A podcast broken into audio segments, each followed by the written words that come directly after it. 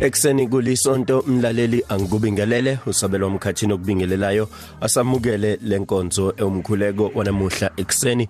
Kuusuku kuyinyanga yabantu besifazane. Inkonzo siphathelwe ngufata uSmilo Mngadi webandla lamakatholika ePitoli.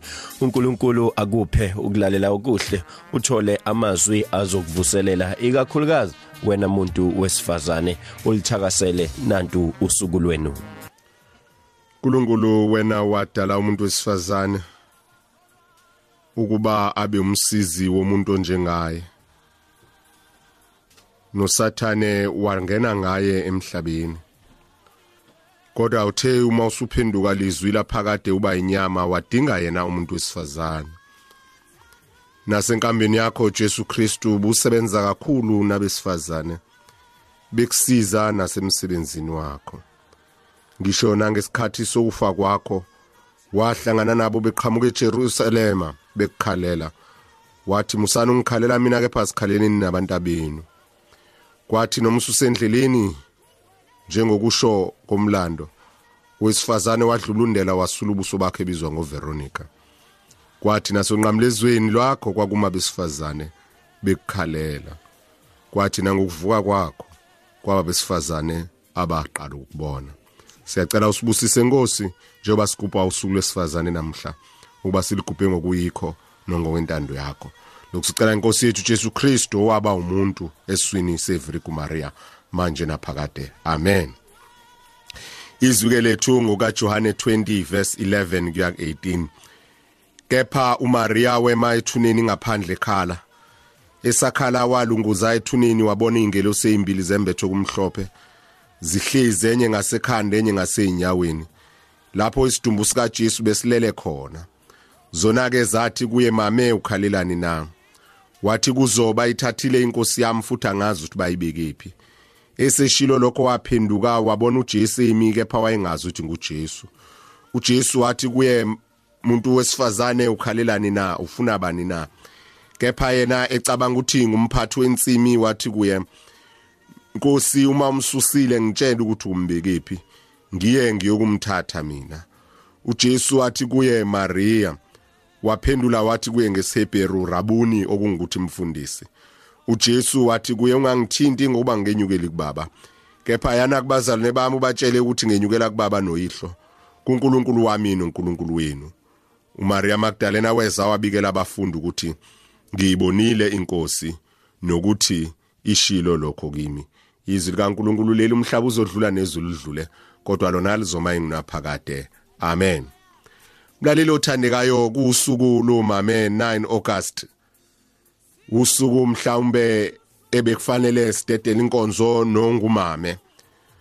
Kodwa ekusebenzini kwami ebuholini nasebandleni enhlakeni ezihlukene kuye kwangikhanyela ukuthi kuyasiza uma nifuna ukulungisa indaba yenu niyinhlangano ethile.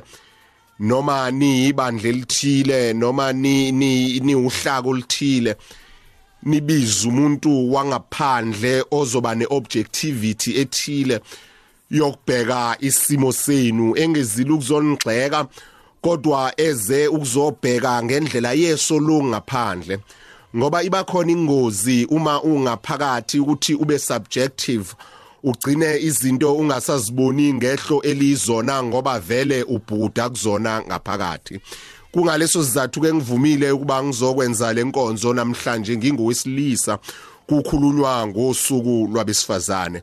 Sizwa ke evangelini esiqeda kulifunda kukhulunywa ngoMaria akuyena ke uMaria unina kaJesu lo kepha uMaria Magdalena njengoba ubuthola ubufakazi kuso lesahluko uverse 1 uMaria Magdalena ovuka ekseni ngovivi ngosuku lwesonto suku lokuqala lwesonto uya ethuneni lika Jesu. Ufica ubona itsheli isusiwe. Useyamangala ubuyela kubafundi yobatshena ukuthi bayisusile inkosi ethuneni. Asazi lapho beyibeke khona. Bese suku Petro nomfundi wayethandwa nguJesu bagijimele ethuneni. Afika umfundi ngaphambili amalinda uPetro angena uPetro alunguze aphume angena umfundi alunguza kholwe kodwa bese bephindele emuva. Sithatha lapho ke manje bathi bephindele emuva kepha uMaria Magdalena yena uyasala ekhala.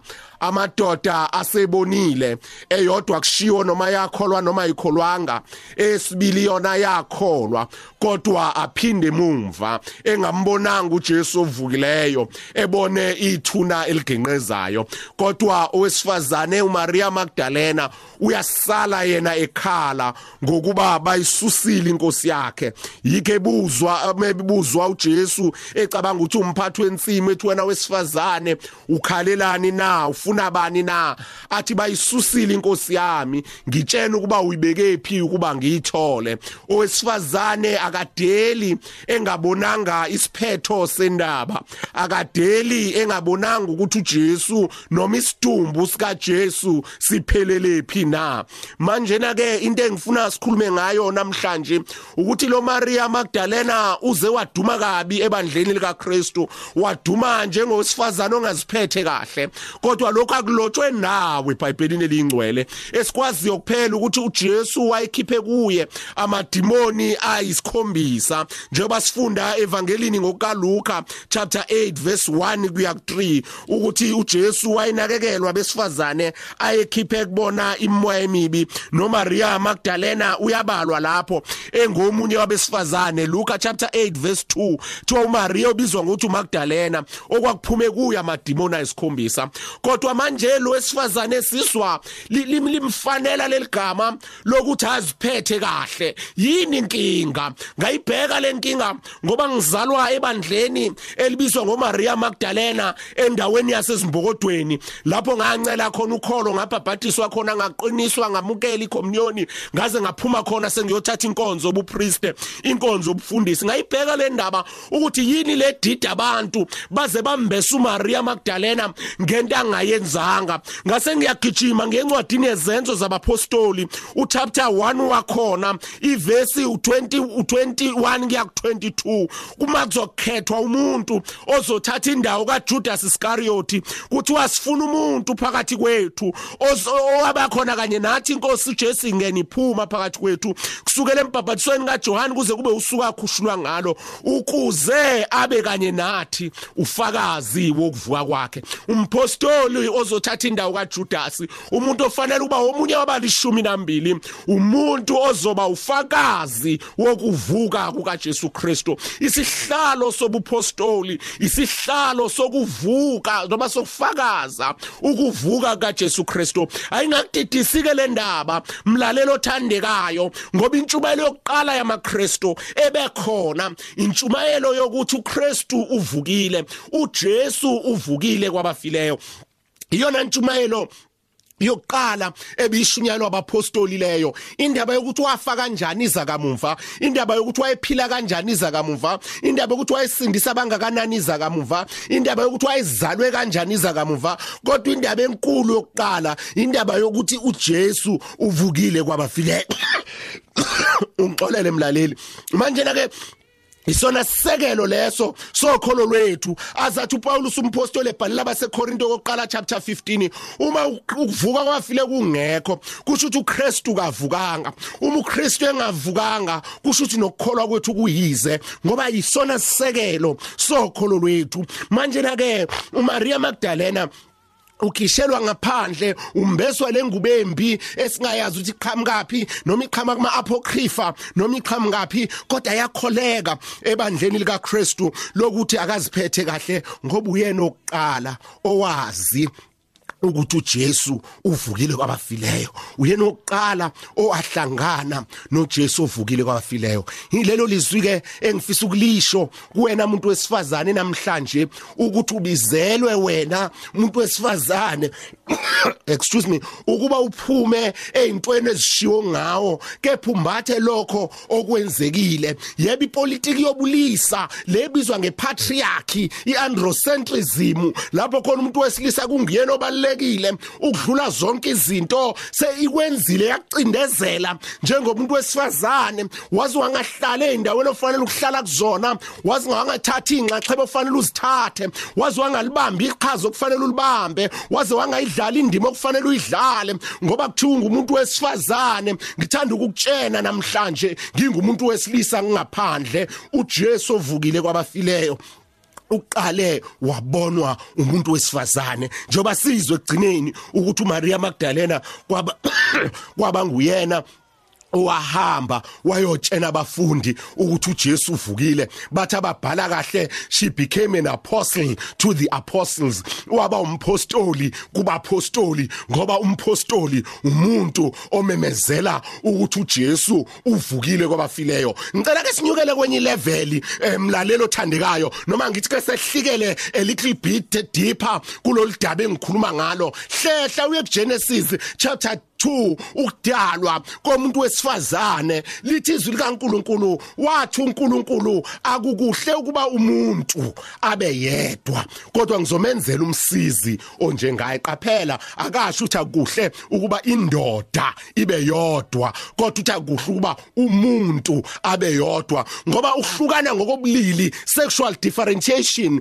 came through the creation of a woman kwavelwa ngokudalwa komuntu wesifazane kwasekuqala ukuba khona umuntu wesilisa nowesifazane. Ngoba abanye bayibadideke bathi kwadala umuntu wesilisa kuqala. Cha kwadala umuntu kuqala engenabulili. Kodwa kwanele kwadala owesifazane kwase kuba khona nowesilisa. By the very same act ngokudalwa kwesifazane kwase kuthi umuntu waphenduka waba umuntu wesilisa. Ubulisa budala kunobesifazane nobufazana bubudala kunobulisa. Kodwa ukudalwa kobufazane kwenza ukuba kube khona ubulisa.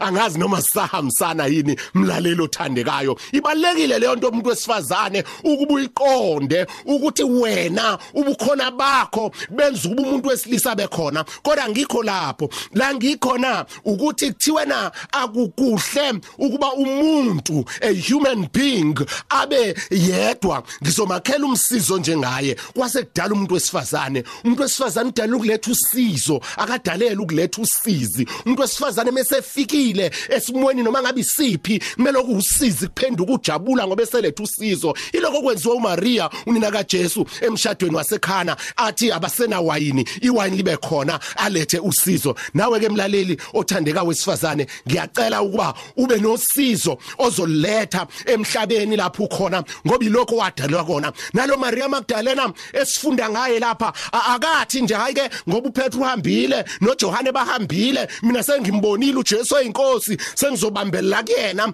kodwa ubuyela kubona uyobanika usizo. Khumbula bebesivalele ngokusaba amajuda. Khumbula bebelahla ithemba ngokufa kaJesu. Khumbula uzasho omunye bemawo sathi besithembile ukuba nguye oyakusindisa uIsraeli kodwa manje mayesevukile uMaria uyabuya. Uzobanika usizo. Sengisho uMaria Magdalena ke manje uzobanika usizo.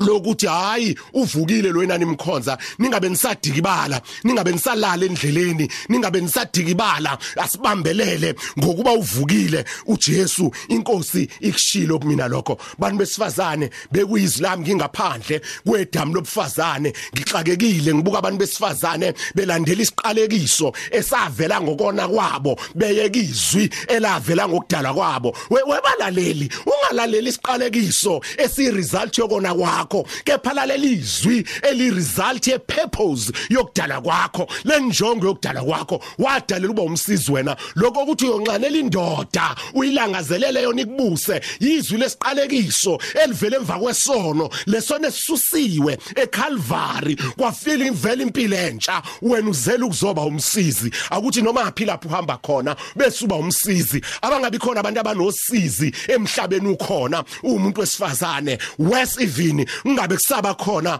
usizi olidalwa wena umuntu wesifazane. Ha ngiphathe kabhlungu uma ngibona umuntu wesifazane ephethe abanye abantu besifazane kabhlungu ngiphathe kabhlungu uma kuyohlukaniswa izitokfela ngoDisemba umuntu wesifazane athi uyokhipha imali yesitokfela ebesiqoqwa abantu besifazane kade besethu ubanjwe izigebengu kuzwakala ngemuva ukuthi naye ube ingxenyelo kokuqola angabe saletha usizo kepha letha usizi emndenini yabantu abaxakekile. uMaria Magdalena ubona uJesu ubona uJesu ovukile kwabafileyo. Uyazi uzasho isimanga usathi ngitshene ukuthi ngimbekephi ukuze ngiyomthatha. Uzosithatha kanjani isidumbu? Umuntu wesifazane uzosithwala kanjani isidumbu? Niyasazi isidumbu sisinda kanjani? Kodwa ngoba ungumuntu osizo akafuni ngisho umuntu esefile ukuba alahlwe noma ikanjani adliwe izinja noma ikanjani. Uyamqoqa ambuthe ambeke endaweni enhle. Unaleyo nto Maria Magdalena. Ngaphakathi kuyena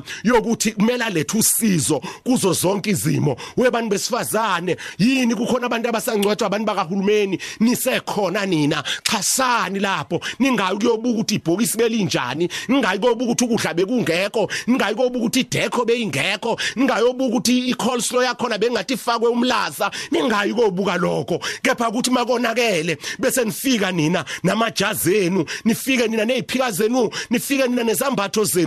Namajoyini nesembatho esililo bese nimboza usizi bese liphenduka usizo ngoba nina ningusizo. Bese nisiza kakhulu nikhumbule nina besifazana abadala amazwi akashiyo Jeremia athi fundisana amadodakazi enu ukulila. Akunandaba ke nokulila namhlanje kodwa fundisani amadodakazi enu ukuthi kuyini ubufazane. Kuyangithusa okwenzekayo sengizawuqeda ubona abantu besifazana abancane bezama ukuzenza amadoda becabanga ukuthi ngokuzenza kwenza into ezokwenziwa amadoda nabo bazolingana nawo. Ah ngihlale ngisho lento asikhulumi thina kwaKristu ngeequality sikhuluma ngeequity. Equality isho ukuthi sizofana silingane. Kodwa equity ithi yona sizolingana kodwa singafani. Iloyo naloyo adlala inxanxeba yayo ngithi mase ngiyichaza kahle ngithi sisebancane sasijabulela uphuma number 1 ngishaba uthola u51% kodwa ujabulela ukuthi ubadlulile abanye. Sakhula sathola ama symbol sese high school ujabulela ukuthi uthola u D u E u B u A njalo njalo.